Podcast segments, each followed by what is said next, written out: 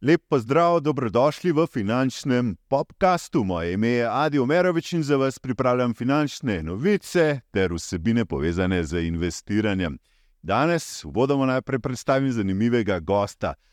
Lep pozdrav, Luka Gubo, kvantitativni analitik, direktor družbe Equito. Ja, lepo zdrav. Pozdravljen, Luka. Kvantitativni analitik, najprej to sliši se zelo science fiction, kaj je to za ena funkcija. Uh, kaj pravzaprav počneš kot kvantitativni analitik? ja, v bistvu kvantitativni analitiki so, kot ime pove, pač analitiki, ki pa imajo pogled na svet bolj, um, rečemo, matematičen. Pravi, ko se analizira ali poslovanje podjetja ali rečemo nekega gospodarstva ali pa karkoli je pač povezano z financami. Um, se vedno zgleda popolnoma skozi številke, in tudi odločitveni proces se poskuša narediti z nekimi matematičnimi modeli. Mm -hmm. da, to je ta kvantitativni, ne, se pravi, kvalitativni je pa bolj vsebinski pogled. Um, in mogoče glavna razlika je, ko smo se že prej očarili o Mangarju, po, pokojnemu pogovarjala, on in pa Warren Buffett sta predvsem kvalitativna. Spravi, hočete razumeti biznis ali pa če je management dober in, in podjetje dobro posluje iz tega vsebinskega vidika, medtem ko kvantitativni analitiki in kvanti gledajo pa predvsem na poslovanje skozi številke. Spravi, se naredi nek matematični model, se pogleda pač izkaze in tako naprej, in skozi to se ugotovi, ali je podjetje dobro ali ni. Da, da tudi kakšne so tveganja v portfelju, o tem se bomo tudi danes pogovarjali. Tudi, kako izračunati, koliko smo zdaj bolj tvegani, če imamo recimo Bitcoin noter, ne, ki je prebil 44 tisoč. Do tega vse še pridemo danes. Luka, uvodoma, ponovadi goste vprašam, če se mi malo predstavijo, povejo, eh, kdaj so se prvič srečali s to ljubeznijo do financ, se zaljubili uh, v ta svet. Kako je šlo pri tebi? Um, ja, jaz v bistvu sem že v gimnaziji. Um, Pač seveda je bil postavljen pred dejstvo in, in vprašanje, kam naprej. Uh, potem je zaradi tega, ker moj oče imel um, pač podjetje v gradbeništvu, je seveda stric rekel, logično bo šel ti arhitekturo ali nekaj podobnega. Ne? Tako da je moja prva počela v, v to smer, ampak sem hitro ugotovil, da mi to ni bilo všeč. Ne? In sem takrat um, se potem preusmeril in šel na pač študij uh, ekonomije. Um, in takrat sem pol že bil povabljen, rečemo temu, v um, eno podjetje, ki so pa prodali sklade, oziroma pač trženje skladov. Ta, ti si bil nekako moj prvi občutek glede financ in, in investiranja in vrčevanja in tako naprej. Mm -hmm. Um, sem takrat tudi začel trgovati pač na, na Forex trgu, se pravi z valutami. Z valutami ja. um, in tako, tako vsi na začetku začnejo, pač sem imel srečo in iz vem, 200 dolarjev naredil uh, 2000 in mislil, da sem največji car, pa sem pa seveda vse pač izgubil. Uh, kot to ponovadi se zgodi na začetku, če se z vzvodom trguje, se pravi s tem, da pač imaš nek manjši, manjši denar in uporabljaš. Finančni vzvod, vzvod da, to, da lahko večje pozicije. In na pumpa pozicijo. Tako. Tako, ja. mhm. da, da, to, to je bil moj, rečemo, tisti prva izpostavljenost do, do trgov.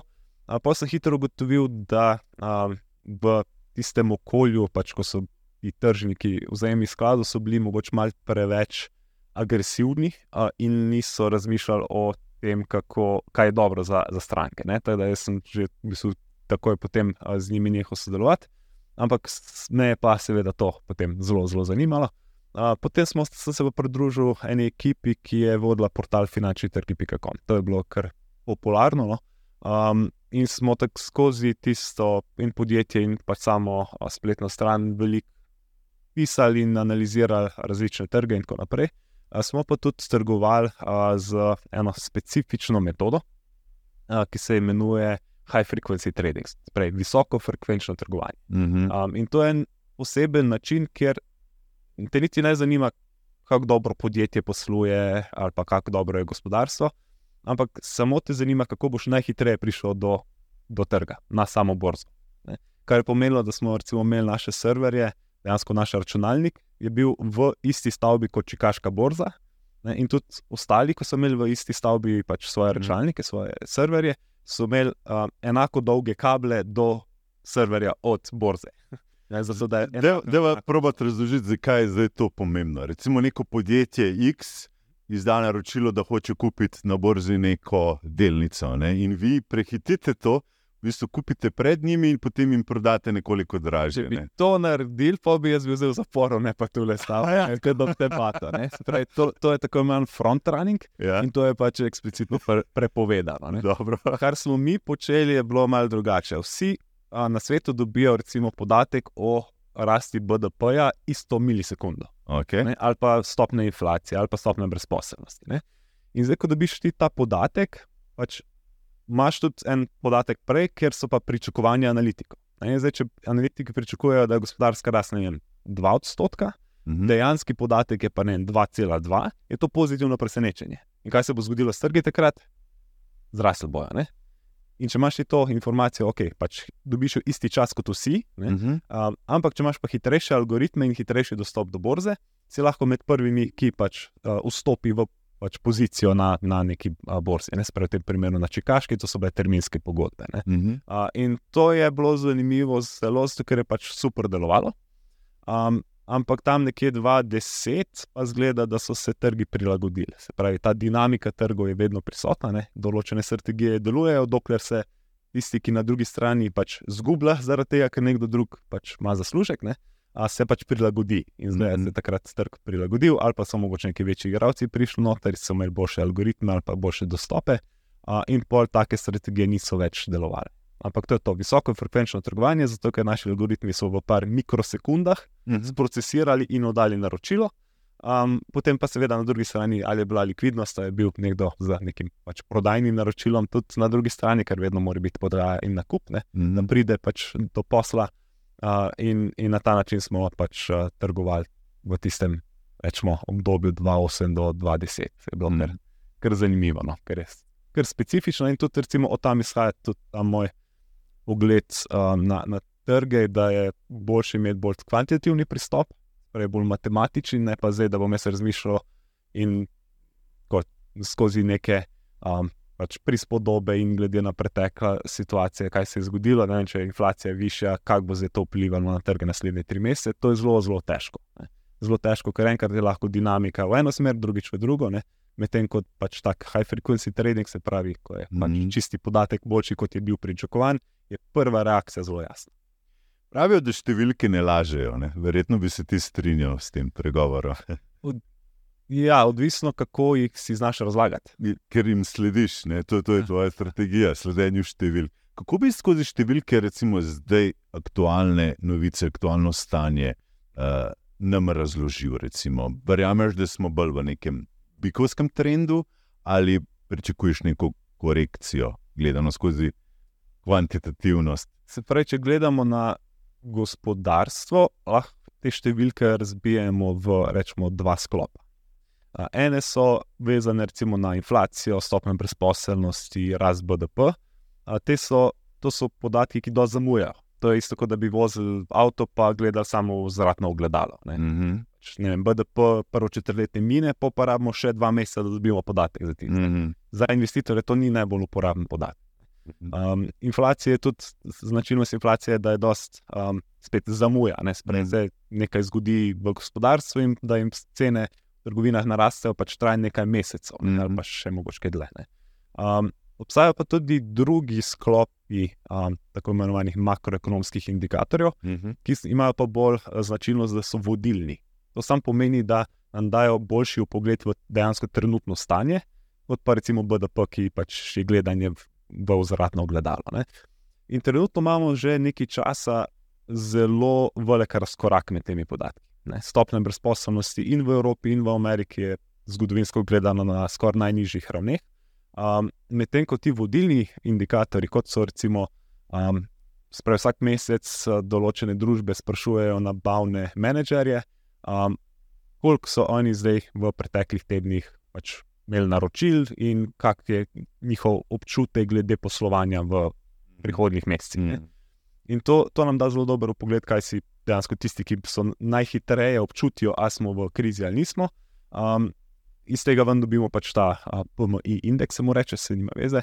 A, je pa poanta v tem, da imamo pa hiter pogled v trenutno stanje. Ne? In ta indikator trenutno je zelo, zelo slab.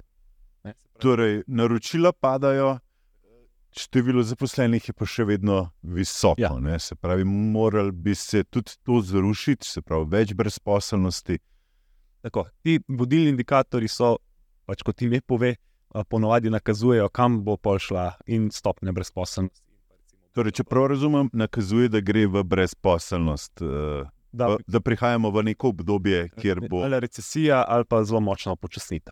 ne. Ampak zdaj je pa težava v tem, ne, ker pa ni nujno, da se bo to zgodilo. To je pa Mhm. to zaupanje v številke. To treba vsebinsko razumeti. Ne. Če zdaj so vodilni eh, indikatorji pač slabi, pač načeloma je to vedno pove, po, pomenilo, da je gospodarska rast se močno upočasnila ali pa bila recesija. Mhm. Lahko se pa zgodi, da je vsem trg dela, recimo, tako močen, da je zdaj to v, ta upočasnitev v industriji samo omejena na, na industrijo. Ne? In da bo pač dejansko se tudi ta sentiment in, in nabavni menedžerji, da bodo spremenili mnenje, in da bodo naročila prišla nazaj v industrijo in bo šlo vse skupaj nazaj na, na vzgor. Teda, tu je pa zdaj ta težava, ker je res nemogoče pač vedeti. Ne? Noben ima pač krogle, ker bi lahko noter pogledal in vedel, kaj se bo zgodilo. ne. Teda, to je en del in to je ta makro, makroekonomski del. Dodatno je pa še ta nivo, kaj pa delnice in pa trgi delajo, glede na samo stanje na, v gospodarstvu. Ne? Kar pa spet ni nujno, da gre z roko v roki. Ne? Lahko imamo v določenih trenutkih, recimo, neko močno upočasnitev um, v gospodarstvu, medtem ko pa trgi vedno gledajo naprej in gledajo naprej za eno leto, dve, tri. Mhm. In če je upočasnitev take narave, da vsi rečejo, ok, ma se to je samo kratkoročno, ne?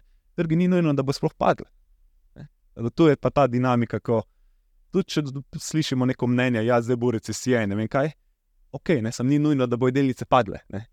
Lahko pa tudi pride do padca cen delnic, ne? pa je gospodarstvo čisto v redu. Ne? Najboljši primer je, ne vem, recimo uh, 1987, ko je pač v enem dnevu Črni ponedeljek, ja, ja, se je sesedlo za Dow Jones je 40 padel za tako nekje. procentov v tistih mm. parih dneh, pa vse skupaj. Mhm. Uh, isto recimo tako imenovani flash crash, ki je bil, mislim, da maja uh, 2010, to je bila tudi zanimiva situacija, ker sem dejansko bil za računalnikom in spremljal, kaj se dogaja. ne.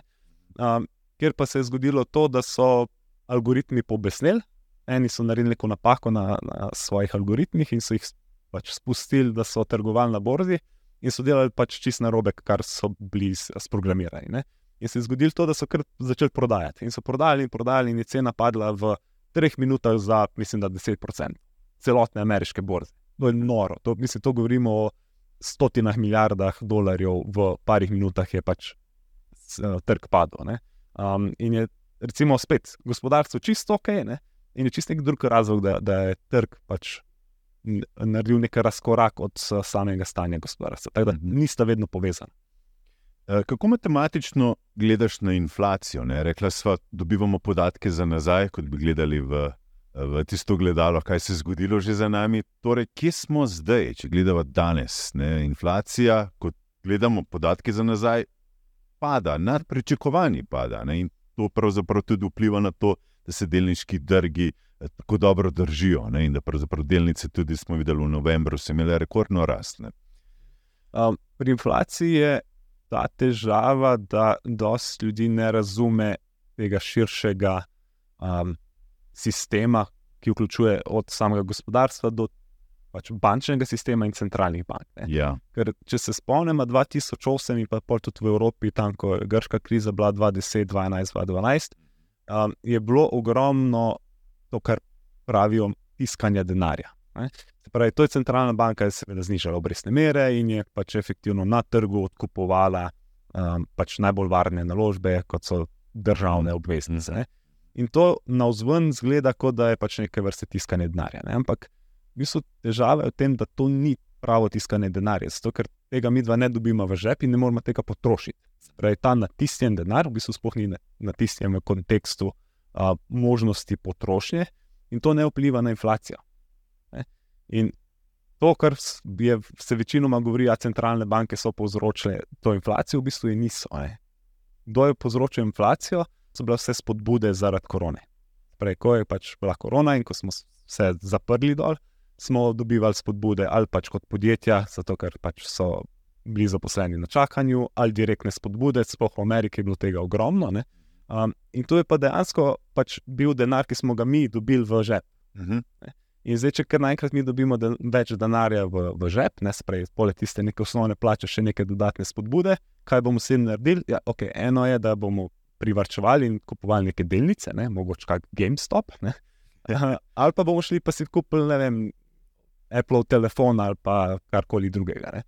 In zaradi tega, ker je tukaj več bilo tega povpraševanja, je, so še seveda cene šle navzgor. Hkrati pa seveda pač so bile, ok, zdaj tudi vojna v Ukrajini, pa takrat ne vem, če se spomnim, um, je tale ena ladja mal.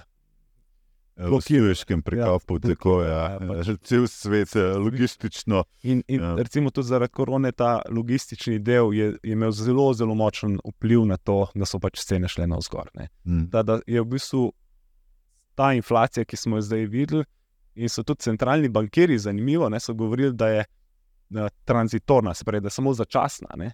Potem so, pa, ko so videli, kako je visoka, so pa zaprničarili in začeli obrestne mere zvigovati. ne.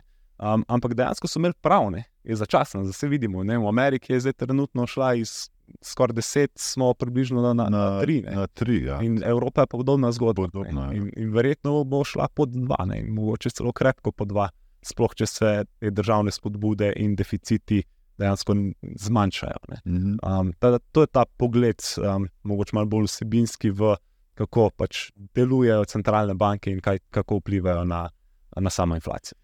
Za- zdaj se že pričakuje, da bodo začeli nižati obrestne mere. ne. Um, ravno danes zjutraj sem gledal nekaj statistika, je, da bi prvo nižanje, uh, govoriva o Fedu, ameriški centralni banki, bi lahko že 15 odstotkov verjetnosti je, da bi lahko že v januarju začeli nižati. Sicer se pa mislim na 50 odstotkov ta verjetnost dvigne z marcem 2024.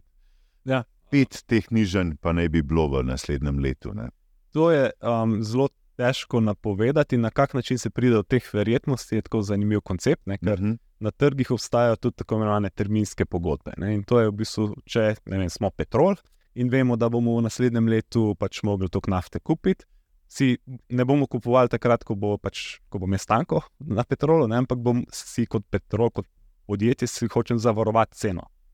In to naredim za terminsko pogodbo. Se pravi, vnaprej se dogovorim, kakšna bo cena za ne vem, čez pol leta ali pa čez eno leto. Ne? Mhm. In podobno obstaja tudi v bančnem svetu, ampak je vezano na obrestne mere.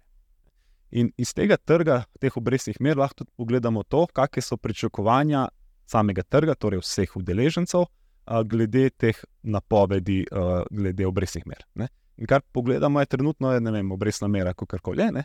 In pogledamo, ok, čez tri mesece, to rečemo terminsko pogodbo, ne, in vidimo, da je pa nižja.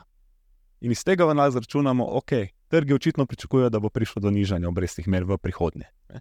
In je res za Ameriko in tudi za Evropo se pričakuje kar krepka nižanja obrestnih mer v naslednjem letu. Moramo se pa zavedati, da so ta pričakovanja bila že v tej fazi hitre rasti, ko so centralni bankiri zvigovali obrestne mere, so trgi že takrat pričakovali, da ja, se ne bojo šli tako visoko.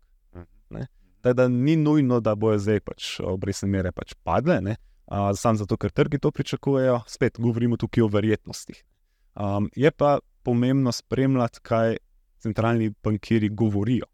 Ker pač oni imajo tudi eno izmed metod, kako hoče vplivati na ta prepričanja na trgih, in, in pogled trgov je skozi verbalno komunikacijo, kaj povejo ob teh sestankih. način njihove retorike. Ne? To slišimo, je jastrebovski ali je bolj. Kaj pravzaprav, mogoče še to, ja, da to po, po pojasniti, kaj Ja, ja, pomeni. ko Se pravi, Jastrebovski oziroma hokiš. Ne? ja, a, en vidik je, ko je centralna banka a, prepričana, da ima težavo z inflacijo, ne? ker načeloma vse centralne banke imajo vsaj en mandat, to je pač, da uravnavajo stopnjo inflacije, čeprav ne morejo tih direktno. ne. A, Drug je pa, recimo, to imajo pa američani, da še zraven še spremljajo stopnjo brezposelnosti. ne. In Mhm. da drugače tudi skozi določene cigle je lahko zelo povezana. ne. Um, in v primeru, da pač je visoka inflacija, bojo seveda uh, centralni bankirji začeli zvigovati obrestne mere. Sprej, logika je v tem, um, da više kot je obrestna mera, večje ima težave gospodarstvo. Zakaj? Ker je pač nov kredit je dražji, tudi stari, pač, če ni fiksna obrestna mera, je večji strošek, novi projekti, ki so, se jih vedno primerja. um, z tem, ali je kakšna obrestna mera. Ne? Ker zdaj, če jaz nimam nobenega tveganja, ko dam pač denar ali na banko ali neke državne obveznice, pa dobim 5, 6, 7% donos. Na drugi strani imam pa nek projekt kot podjetje, kjer zračunam, da je interni donos 7-8%. Se bom vprašal, ali se mi splača v tak projekt iti. Mm -hmm. V primeru, ko se bo obrestne mere nič, ne, je pa vsak projekt pol, Primani. Ja. Ja. Ja. potencialno zelo, do, zelo donosen. Teda to je ta pač pogled uh, v času visoke inflacije, spravi centralni bankirji vedno uh, pač govorijo, da bojo zviševali obrestne mere in gledajo pač na, na to rast obrestnih mer. Ne. Če je pa recimo deflacija ne, ali pa Mhm. neka pač kriza, bojo pa seveda v drugo smer gledali in to je pač nižanje obrestnih mer. Zakaj? Zato, da dobimo kontraučinek, da je pač, so krediti bolj dostopni, da se financiranje na trgu dobi pač ceneje in posledično a, podjetja a, grejo lažje, se odločijo za neke projekte. no. Mhm. Uh, gledate pri eh, kvantitativni analitiki, ne gledate tudi surovine včasih, spremljate vem, razmerje med vem, bakrom in uh, surovo nafto, recimo, ne, kot nek indikator, tudi to za recesijo, vem, ceno zlata, ki je dosegla rekordne vrednosti uh, v, v tem tednu. Ja, Spravi, če si iz vidika teh analiz, ogromno enih možnih kombinacij. Ne, se pravi, Mhm. tudi, da se gleda pač. Um, Dr. Koper, kot baker, kot mu pravijo, ne, je tisti, ki najbolj tudi napove situacijo v industriji. Ne, in Ja. pač, ko cene teh surovin začnejo pač padati, je očitno nekaj v industriji narobe in se lahko Se ohlaja, ne, vse oflaja. ne. je že prikaz. Mhm. In, in uh, na drugi strani je pa mogoče zlato mal drug, um, rečemo temu indikator, no, Mhm. uh, ki je pa dosti vezan na te realne obrestne mere. Ne. Se pravi, pač niže kot grejo realne obrestne mere, realne obrestne mere sam pač vzamemo obrestno mero centralne banke ali pa neke državne obveznice in odštejemo inflacijo. Mhm. In pač bolj kot je to negativno, bolj je to pač pozitivno za zlato. In seveda, zlato je tudi trg, kar pomeni, da gleda za naprej, ne? kar pomeni, da zlato nam trenutno pač govori, da bodo centralni bankiri zniževali pač obrestne mere, medtem ko inflacija zna pa ostati približno enaka. To je nekako tisto, kar bi lahko razbrali ven iz trenutnega gibanja oziroma rasti same cene zlata. Kar bi spet nakazovalo, da ne bi zlato še dodatno potem. To je težko, um, to je v bistvu ta feedback loop, se pravi, eno vpliva na drugo in obratno. Ne. Težko je zdaj reči, kaj zdaj napoveduje koga. Ali cena zlata napoveduje realne obrestne mere, ali realne obrestne mere nekako znajo napovedati ceno zlata. Tako da enkrat ima eno večji vpliv na drugo, drugič pa pač v kontrasmer, glede zmožnosti napovedovanja, kaj se bo zgodilo. Mhm. Uh, kaj pa Bitcoin, recimo, oziroma druga kriptosredstva? Uh, kako to vpliva tudi na matematično računico? Ja, A a ima sploh kakšno povezavo, ker zdaj vidimo, ima kar neko svojo pot. Včasih se ga je dalo primerjati malo z inflacijo, ali pa s tem, zdaj pa čist neko svojo Ja. pot ubral. čist ima svojo pot, zato ker um, se pravi, je korelacija, zato ker je to tvegana naložba. In vse tvegane naložbe, ko je res nek ta močan trend navzgor, grejo ponovadi vse navzgor. In recimo tehnološke delnice, in recimo kriptovalute, in tudi ne vem, nepremičninski sektor, in tako naprej, ko je res neka. Ko je sentiment vseh udeležencev na trgu pozitiven, bo pač vse raslo. Ne? In ok, pač kriptovalute so tukaj bolj tvegane, tukaj bolj volatilne, Mhm. a, da pač ponovadi rastejo hitreje. Ne? Ko pa pride do neke, niti ni nujno, da upočasnitev na, v gospodarstvu, ampak samo preskok tega sentimenta, tega počutja med investitorji, ko pa to postane negativno, bodo pa te tvega, tvegani naložbeni razredi bodo pa šli navzdol. Ne? In v primeru pač Bitcoina in kriptovalut je, so pa ti paci lahko precej, precej večji. ne. Mhm. A Hkrati je pa to mogoče malo specifičen trg, a, ker je to čisto neka nova zgodba. Ne, in, ne, velika večina ljudi tega ne razume pač podrobno.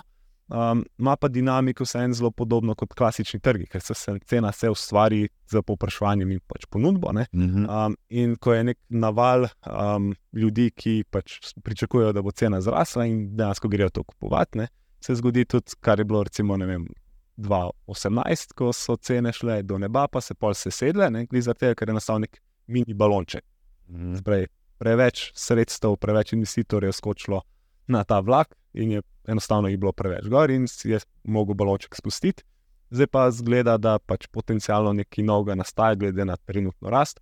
ampak to pa ne moramo vedeti. Ne, ne moramo vedeti, zdaj, kaj, kaj bo 20 milijonov ljudi v prihodnih mesecih naredilo in nas bojo pač vsi pač sposojali še dodatno denar ali pa nekaj in šli kupovati Bitcoin ali pa ostale kriptovalute. Definitivno je pa to zelo volatilen trg, tako da brez težav gre gor za nekajkratnik, lahko pa tudi pade za minus 90%. To je pa ta težava, ko ne moramo vedeti.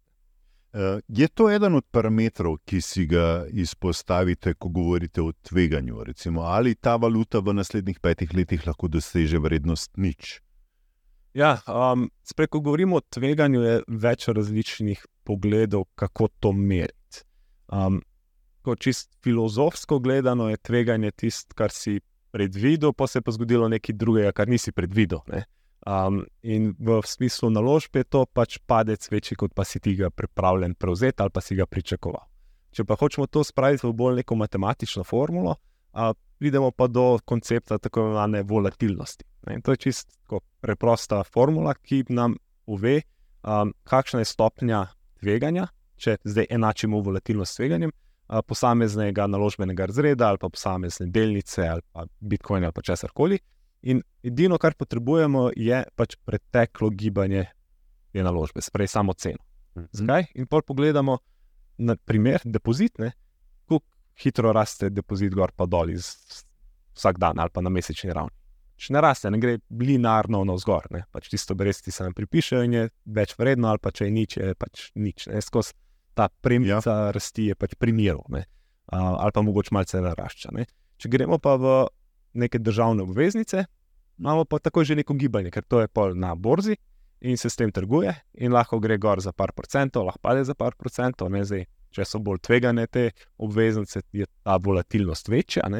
Um, in um, pol ugotovimo, da je pač rečemo, ta faktor volatilnosti, um, je ranga recimo 5%, 10%. Ne? In to nam pol pomeni, da lahko v te matematične modele ustavimo to formulo, ne? ta koncept, in dobimo določene preračune, ki so mogoče uporabni ali pa tudi manj manj. In če gremo pol do delnic, v bistvu ugotovimo, da je volatilnost ranga 20%. In če čisto poenostavimo zdaj, ne, um, če je nek pričakovan donos, zdaj bom si izmislil samo zato, ker je lažje računati, ne vem, 10 pač procentov imamo mi zdaj naložbo, ki, je, ki ima volatilnosti 20%. Ne? To pomeni, da je 95% vrednost, da bo donos od, pravi, od minus 30 pa do plus 50. Sprej, to sta dva standardna odklona, če se spomniš iz, iz šole. Ja. Um, in to je to. Sprej, ta volatilnost je sam standardni odklon gibanja cene, pač neke delnice, neke naložbe. In kaj nas to pomeni? Ne? Če smo zdaj ugotovili, da je neka 95-odstotna vrednost zdaj znotraj tega, pa da mu poenostaviti, pa rečemo, da je ta normalna porazdelitev, sprej, da je večja vrednost, da je a, odstopanje od pričakovanja pač manjše, kot pa večje, ne? pa lahko vsi približno zračunamo, ok, če zdaj jaz pričakujem nek donos, pa poznam približno, kakšna kak so ta oprečna odstopanja, pa lahko ocenimo, ok, tveganje je za mene sprejemljivo ali pa ne. In iz, na ta način lahko gledamo pa tudi cel portfelj, ko dodajamo različne naložbene razrede skupaj. Mm. Če damo noter depozit, je volatilnost nič. Če damo neke državne obveznosti, je volatilnost 5 do 10%. Zdaj, če damo delnice, da že 20, ko je noter, je, ba, je pa 100. Game changer. Ja. zelo, zelo volatilno. Tako da je smiselno bolj vedno pač kombinirati a, različne naložbene razrede, zato da se pride do tiste neke optimalne uh, volatilnosti, do optimalnega tveganja, ki pa je za vsakega drugačen. Mm -hmm. Za nekoga, pač sploh, ki ima dolgo časovno obdobje za investirati, ve, da ne bo pač rabo denarja naslednjih vem, 20, 30, 50 let. Ne?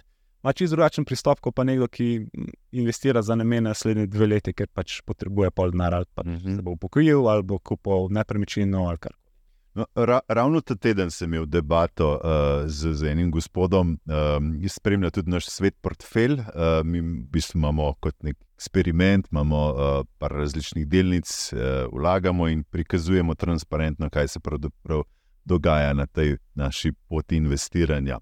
Uh, kar je zanimivo, je, da smo imeli zelo konzervativno zastavljen ta portfelj, podlagi surovin, nekih uveljavljenih blagovnih znamk.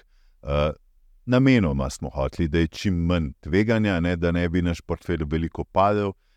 In potem smo dodali noter Bitcoin. Ne.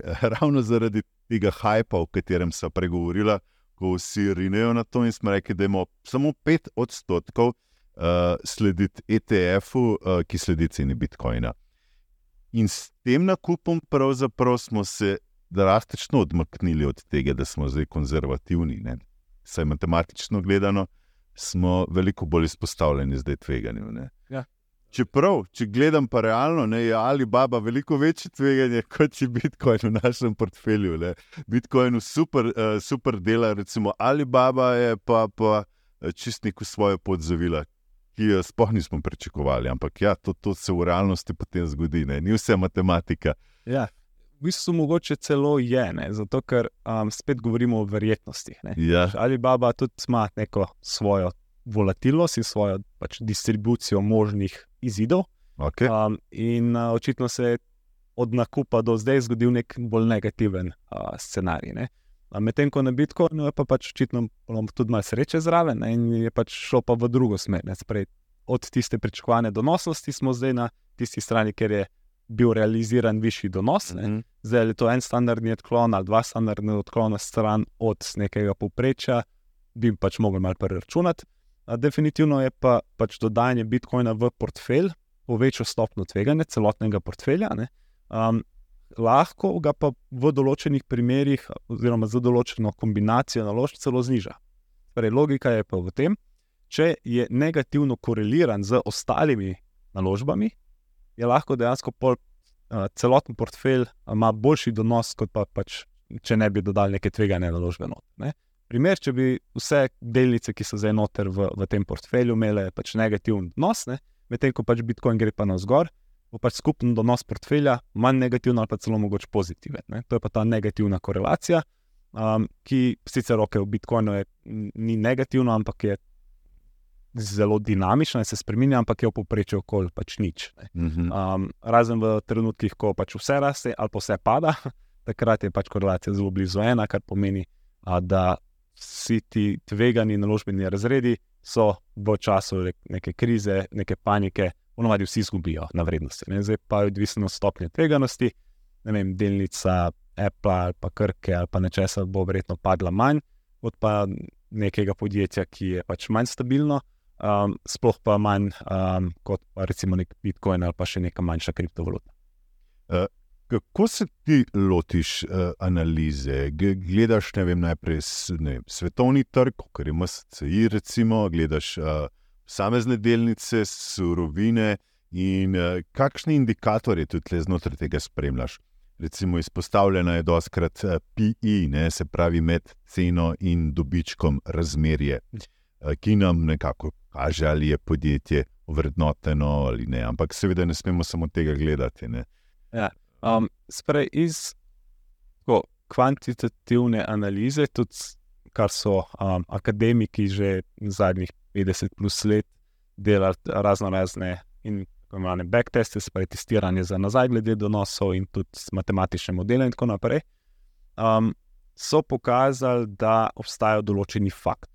Se pravi, faktor, ki nam obrazloži, zakaj je neka naložba pač recimo, imela boljše donose kot druge, oziroma lahko sestavljamo naložbe na tak način, a, da jih spravimo v a, nek, rečemo, neko skupino in imajo skupne značilnosti. Recimo, en takih, a, pač, rečemo, najbolj donosnih na dolgi rok, ampak tudi dosti tveganih faktorjev je tako imenovan momentum. To samo pomeni, da sledimo naložbam, ki so v preteklih mesecih imele dobre donose. To je zelo aktivna strategija investiranja, ne, ker je treba rečemo, na tri mesece spremenjati portfelj in lahko se v celoti spremeni. Um, ampak je to značilnost, ki je dejansko vse posod na trgih. Prej, ko neke naložbe naraščajo, je zelo velika verjetnost, da bojo v naslednjem tednu, mesecu, dveh še naprej naraščali. To je recimo en faktor. Drug faktor, ki je tako zelo znan tudi zaradi Warrena Buffeta, je pa to investiranje v podcenjene delnice, tako imenovan value investing. Ne. Ta se pa recimo, lahko uporablja to razmerje med ceno in dobički podjetja, je pa še vrsto drugih a, mhm. podobnih mhm. indikatorjev, ki nam lahko povejo, ali je neka naložba zdaj trenutno privlačna po takem načinu investiranja, po takem mhm. strategiji. Izhajaš pa iz nekega fundamenta, ne? od prihodkov dobička, zadolženosti podjetja. Tako. Ja, Sprej, value investing kot tak ponovadi vključuje tudi uh, en del kakovosti poslovanja. Pravi, ni samo, da iščemo tiste delnice, ki so najbolj poceni, ne glede na Mhm. ali bo je razmerje ali pa kako drugo razmerje, ne pač Mhm. med ceno delnice na trgu z nekim realnim podatkom iz bilance podjetja ali pa iz kaza finančnega Mhm. a, poslovanja in tako naprej. ne. Um, sprej, hočemo še tudi videti, da je stabilnost, sprej, da ni prezadolžena, da je pač rast prihodkov, rast dobičkov in tako naprej. Ne. Tako da value investing kot tak je neka kombinacija kakovosti poslovanja in pa podcenjenosti. ne. Mhm. Imamo pa še druge pristope, druge strategije in pač faktorje. Um, eden izmed njih je recimo tudi, da se pogleda, kakšna je dividenda in ne samo dividenda, ampak tudi koliko podjetje odkupuje lastnih deležev. In če to dvoje seštejemo, a, dobimo rečemo neke vrste donosno za vse lastnike, ne? ker ni samo dividenda tista, ki je pomembna, ampak tudi število delnic, ki jih je pač v obtoku. Ne? In če Mhm. podjetje odkupuje lastne delnice, se pač to zmanjšuje, kar pomeni, da je to efektivno izplačevanje dobičkov, ampak skozi drug mehanizem, ni skozi dividende, ampak je skozi odkupe. Ne? Kar pomeni, da v povprečju grejo potem te delnice bolj navzgor, kot pa tiste, ki izdajajo nove delnice. Ne? Mhm. Eh, To je recimo tudi en, en dodaten a, faktor, ki je zanimiv. ne. A, potem so pa še ostali od tega, da um, delnice podjetij, ki zelo stabilno poslujejo, a jih doskrat investitorji ignorirajo, zaradi tega, ker niso tako zanimive. Ne? Kar pomeni, da kupujejo raj, raj tiste veličastnih sedem, kot so zdaj trenutno aktualne, ne? od Apple in Nvidia in tako naprej, ker je pač tam bolj zanimivo biti, več se dogaja, hitreje se cene premikajo. In ponovadi pa ignorirajo pač neke bolj stabilne a, delnice oziroma podjetja, kar pa na dolgi rok pomeni, ne, da so pač te ocenjene, glede na to, da so vsi zainteresirani za nekaj drugega. Mhm. Ta, to je pa ta mogoče malo bolj um, vidik vedenskih financ in pač rečemo kvantitativne analize in vedenske finance so zelo povezane. Ne. Pač Vedenske finance se bolj fokusirajo s tem, um, pač kakšne napake investitorji pač delamo na trgih. Ne. Um, zaradi tega, ker imamo neke ali psihološke omejitve ali institucionalne omejitve, recimo neki določeni investitorji ne smejo investirati več kot določen delež svojega portfelja v tvegane naložbe. Ne? In mogoče so tam zelo dobri pričakovani donosi, pa oni ne morejo z kapitalom priti, je mogoče tam bolj dobra priložnost, ker ni dovolj kapitala na tistem trgu in tako naprej. no. Tako da je kar zanimivo, na kak način lahko se pride do nekih smiselnih naložb.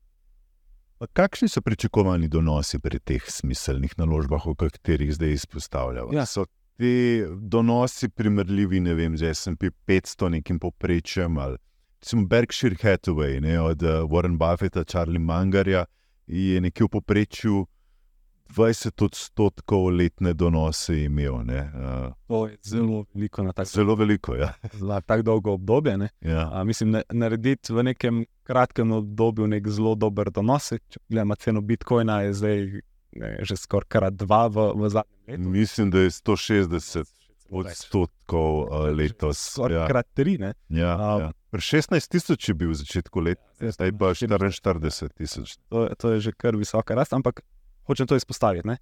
Če ima nekdo srečo in kupi a, neko naložbo, ali to Bitcoin ali delnica ali karkoli, in pa Ja. ja. gre glih v tistem času močno navzgor, je to v tem obdobju lahko zgleda super donos. Ne? Ja. V enoletnem obdobju, ja, jaz sem naredil 160 odstotkov, wow, ne, mm. jaz sem car. Ne?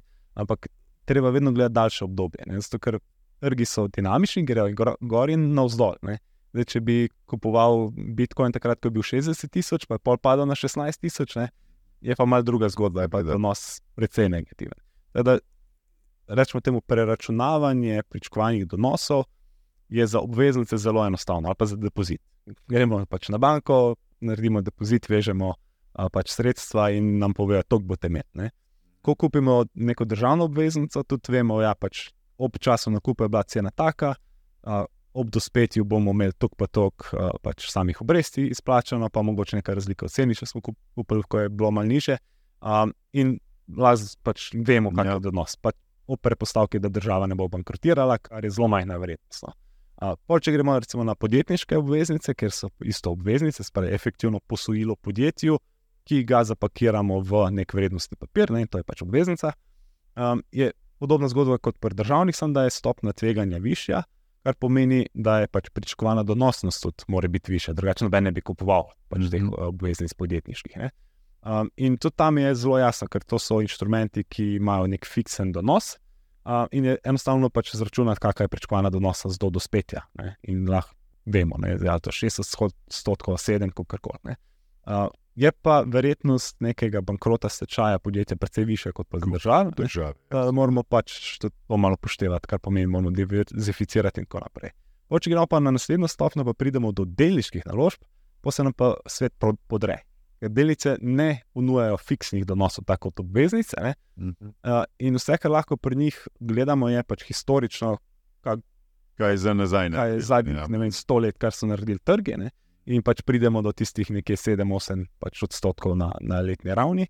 Um, ampak, če pa pogledamo tudi vsebinsko, se pravi, kaj pa vpliva na bodočo donosnost na daljše obdobje, so pa spet ta vrednotenja, spet ta PE, ko smo se pogovarjali, in podobni indikatorji.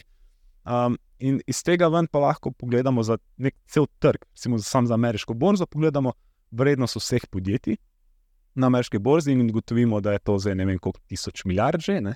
Uh, in delimo to, pač to številko, ki jo dobimo, delimo z uh, vsemi dobički celotnega um, gospodarstva.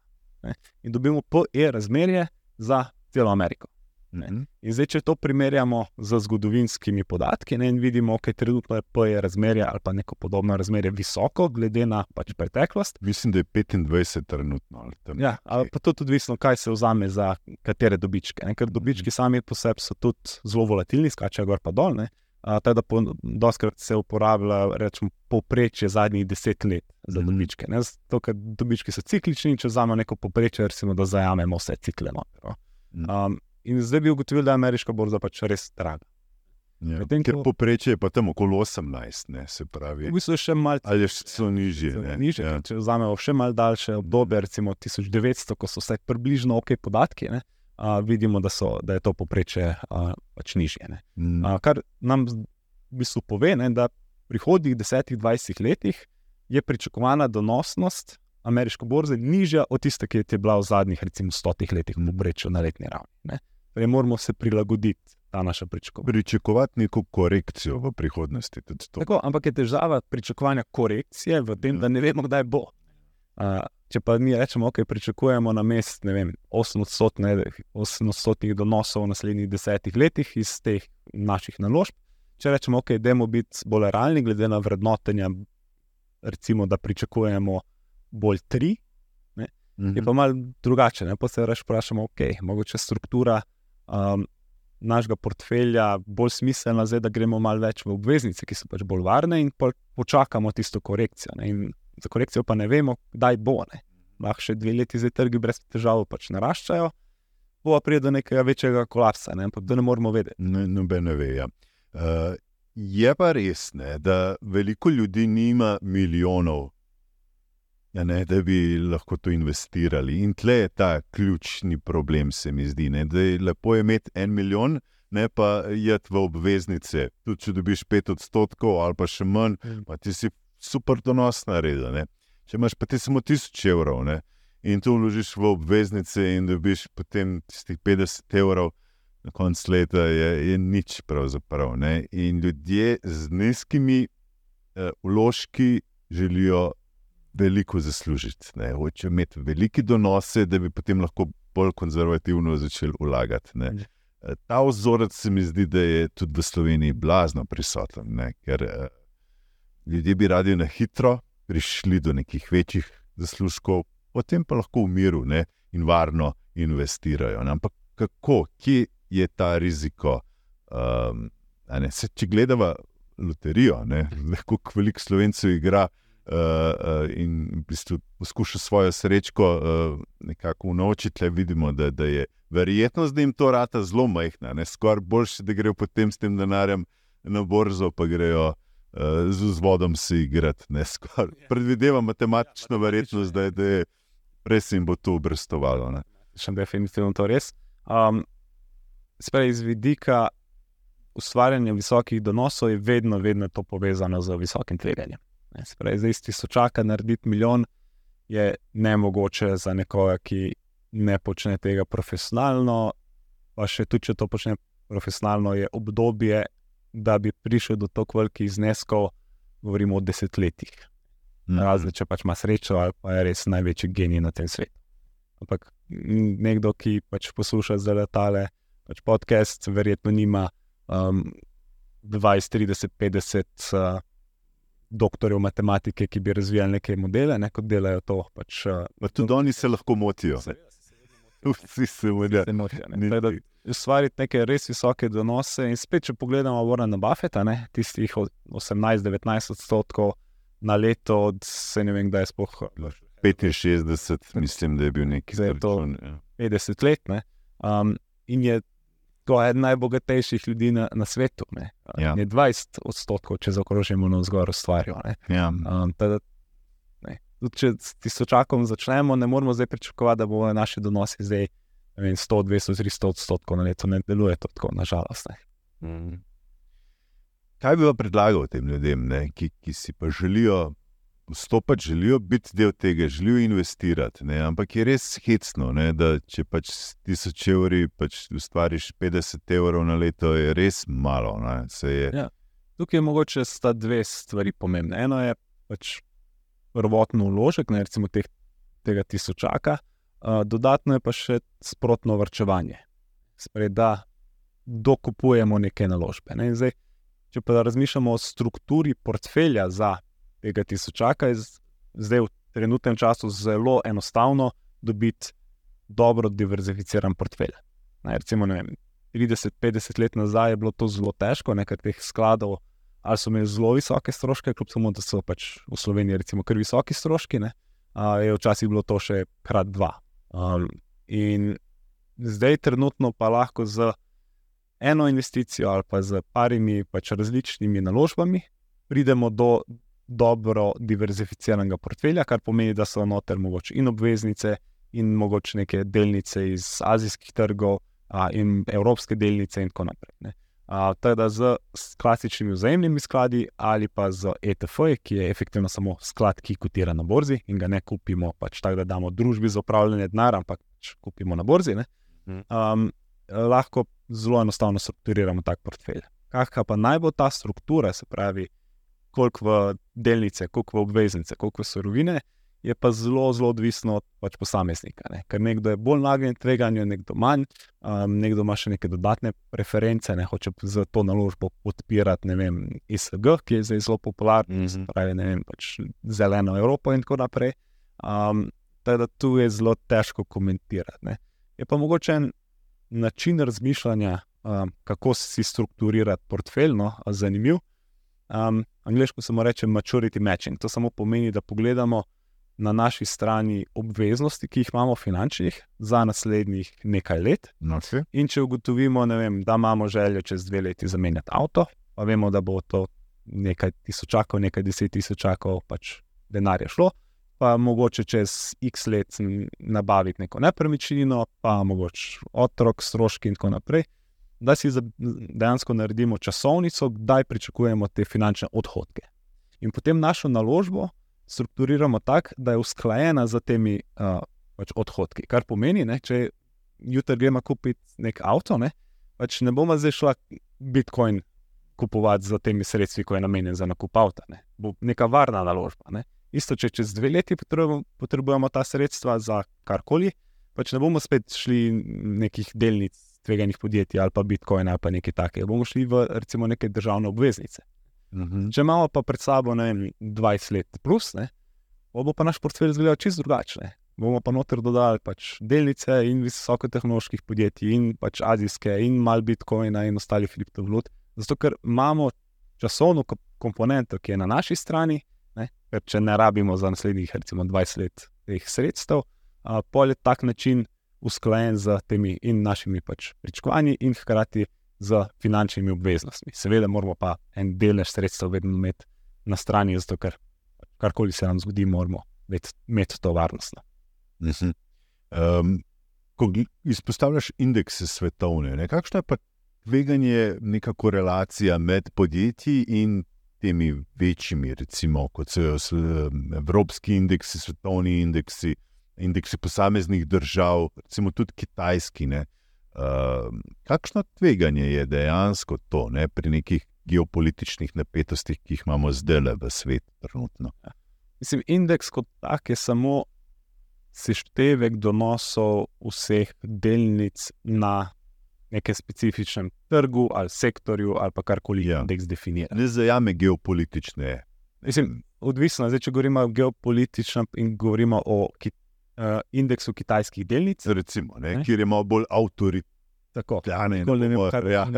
partija kaj se bo zgodilo s Tajvanom in tako naprej. Recimo, ja. In, in to tveganje, pač geopolitično tveganje, se odraža v cenah teh delnic, in posledično se odraža v nekem indeksu in pa skladih, ki so ponovadi vezani na določene indekse. Ne. Mhm. A, Zdaj pa posamezna naložba, posamezna delnica, ki je v samem indeksu, ima že po definiciji neke skupne značilnosti tega indeksa, kar pomeni, da pač je neka korelacija med njimi že zaradi tega. Ne. Mhm. A, Tada, recimo, primer te Alibaba, ko smo se dolgo pogovarjali, pač, okay, zanimivo je, zelo dobro pač posluje, hitra rast in prihodkov in dobičkov in vsega, medtem ko cena delnica pa kar strmo glava. ne. Ja. Da očitno je nek vir tveganja, ki ga mogoče mi dva ne poznamo tako dobro, ali pa ga kar damo v ta sklop geopolitično tveganje. Ne? Ja. Um, in to je težko zmeriti. ne. Kakšna je zdaj stopnja geopolitičnega tveganja? Ali Pač vemo, da je na kitajskem je precej više kot pa je v Sloveniji ali pa Nemčiji. Ne. Tudi primer, ne vem, Rusija, ko je napadla pač Ukrajino, so ruske delnice se, se sedle. Ne. Mhm. In hkrati vsi evropski investitorji pač imajo težave sploh dostopati zdaj do tistih uh, uh, delnic, ne, ki pač ne kotirajo več na evropskih ali pa ameriških borzah, ker so Mhm. bile delistane, sprej Mhm. odstranjene iz borz. Teda to so ta tveganja, ki jih je težko kvantificirati, težko opredeliti z nekimi pač številkami, vrednostmi, a so pa prisotna. ne. A, Teda mogoče lažje iti v drugo smer in pogledati, okay, kje so zdaj take situacije, kot je recimo Kitajska, kjer pa vidimo, da so cene delnic a, pač niže, ampak iz tega ven lahko ugotovimo, da okay, tam pa očitno je geopolitično tveganje. Mhm. Da težko je uporabljati um, recimo nek geopolitično tveganje za odločitve, kam investirati, bolje za to, da se reče odločimo, kam ne investirati, če mislimo, da je tveganje previsoko za nas. Zanimivo mišljenje imaš tudi o slovenskih delnicah. Ne? eh, V povezavi s tem, da že tako z službo in s plačo in z davki uh, participiramo ne, na, na našem trgu. Ne? Mm. Zakaj bi potem še investirali v slovenske delnice? Ja, to je čist vidik um, rečemo, optimizacije osebnega tveganja. Ne, zdaj, če smo mi zaposleni pri enem podjetju v Sloveniji, ki večino svojih prihodkov ustvari a, v Sloveniji, kaj se, zakaj bi imeli tudi mi naše naložbe v takem podjetju, sprej v delnicah tega podjetja? Ne? Ker, dajmo si predstavljati, se zgodi neka kriza ne? Ja? um, in pač to podjetje začne odpuščati. Ne? Jaz sem zaposlen pri tem podjetju, hkrati imam pa svoje lastna sredstva privrčevana v tem istem podjetju. Kar pomeni, poveča se mi tveganje, da bom izgubil službo, in hkrati poveča se tveganje, da bo pač cena teh mojih naložb padla. Ne? Kar pomeni, da imam iz enega vira tveganja pač preveliko izpostavljenost. Mm. In zato je v večini primerov bolj smiselno, da se diverzificira stran od tistega podjetja ali pa tistega sektorja, iz katerega pač dobi, dobivam prihodke. ne.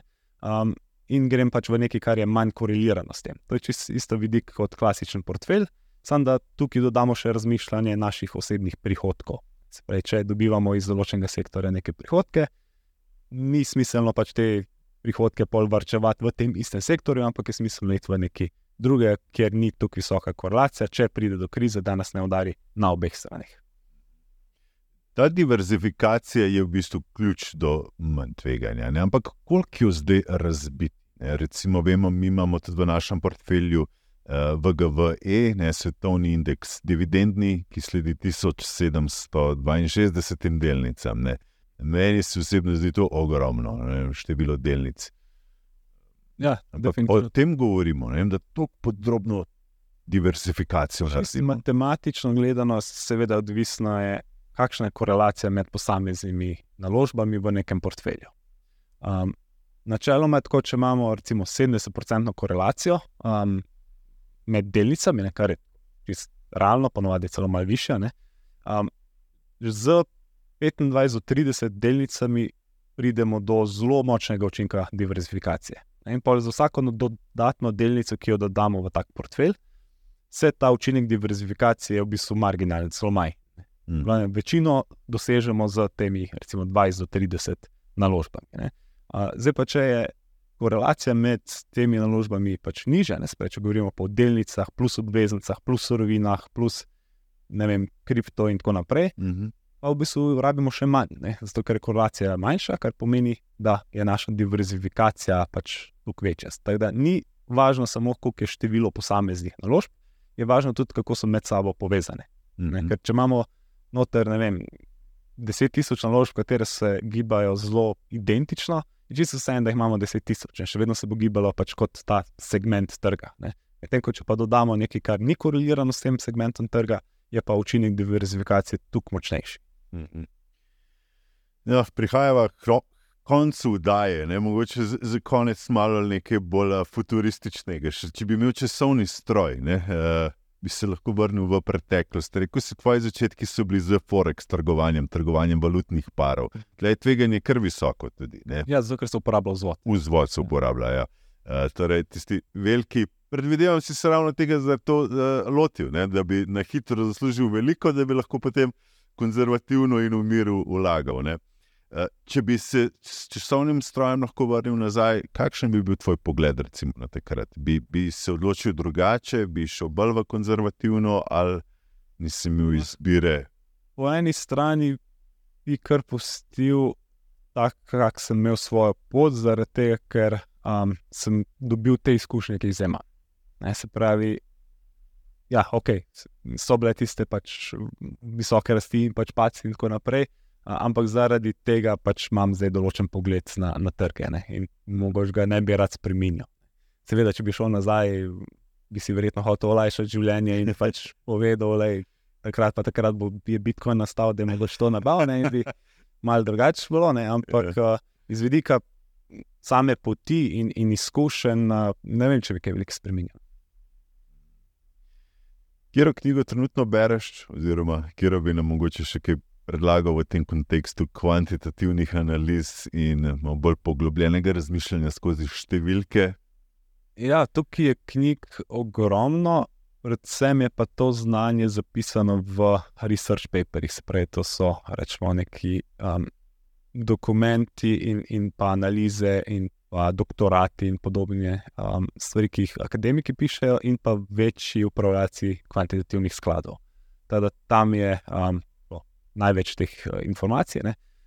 Kar pa je, mislim, da ti se dosti matematično, tako da to ne bi priporočil nekomu, ki ga res specifično to ne zanima ali pa pač hoče to študirati. Ja. Um, je pa vrsto enih pač knjig, nažalost, dosti jih je takih, ki mogoče niso najbolj pač vsebinsko primerne, zato ker, ker poenostavljajo določene zadeve. Mhm. Um, Meni osebno, recimo Howard Marks, The Most Important Thing, ena najboljših knjig. Je dosti filozofska, Mhm. ampak vseeno dovolj vsebinska, da ko imamo neko investicijsko priložnost pred sabo, če uporabljamo tiste načine razmišljanja, ki so tam noter opisani, se bomo lažje pač odločili in bolj primerno odločili. Ne? Od tega, da razmišljamo, v katerem delu cikla smo, do tega, kakšno je vrednotenje, ampak tu ne rabimo nekih full modelov uh, pač uporabiti, ne?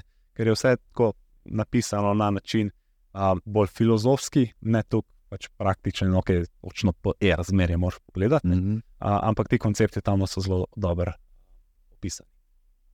Luka, hvala lepa za tvoj čas, za vse ta uh, zanimive odgovore, zanimive analize, pregled uh, prejšnjega tedna. Uh, upam, da boš še kdaj prišel v v studio in se bomo lahko še kaj dodatnega pogovorila. Hvala za vabilo in z veseljem. Hvala lepa, Luka. Spoštovani, tako, to je bil današnji finančni podcast. V ponedeljek mi sledite še naprej v sklopu informativne oddaje Svet na kanalu A, kjer pripravljam finančno rubriko Finančni svet. Ob torkih lahko berete moje finančne komentarje na 24.com, seveda ob četrtkih pogovor z zanimivimi gosti v finančnem podkastu. Hvala lepa za vašo pozornost in uspešen teden še naprej. perform in the environment.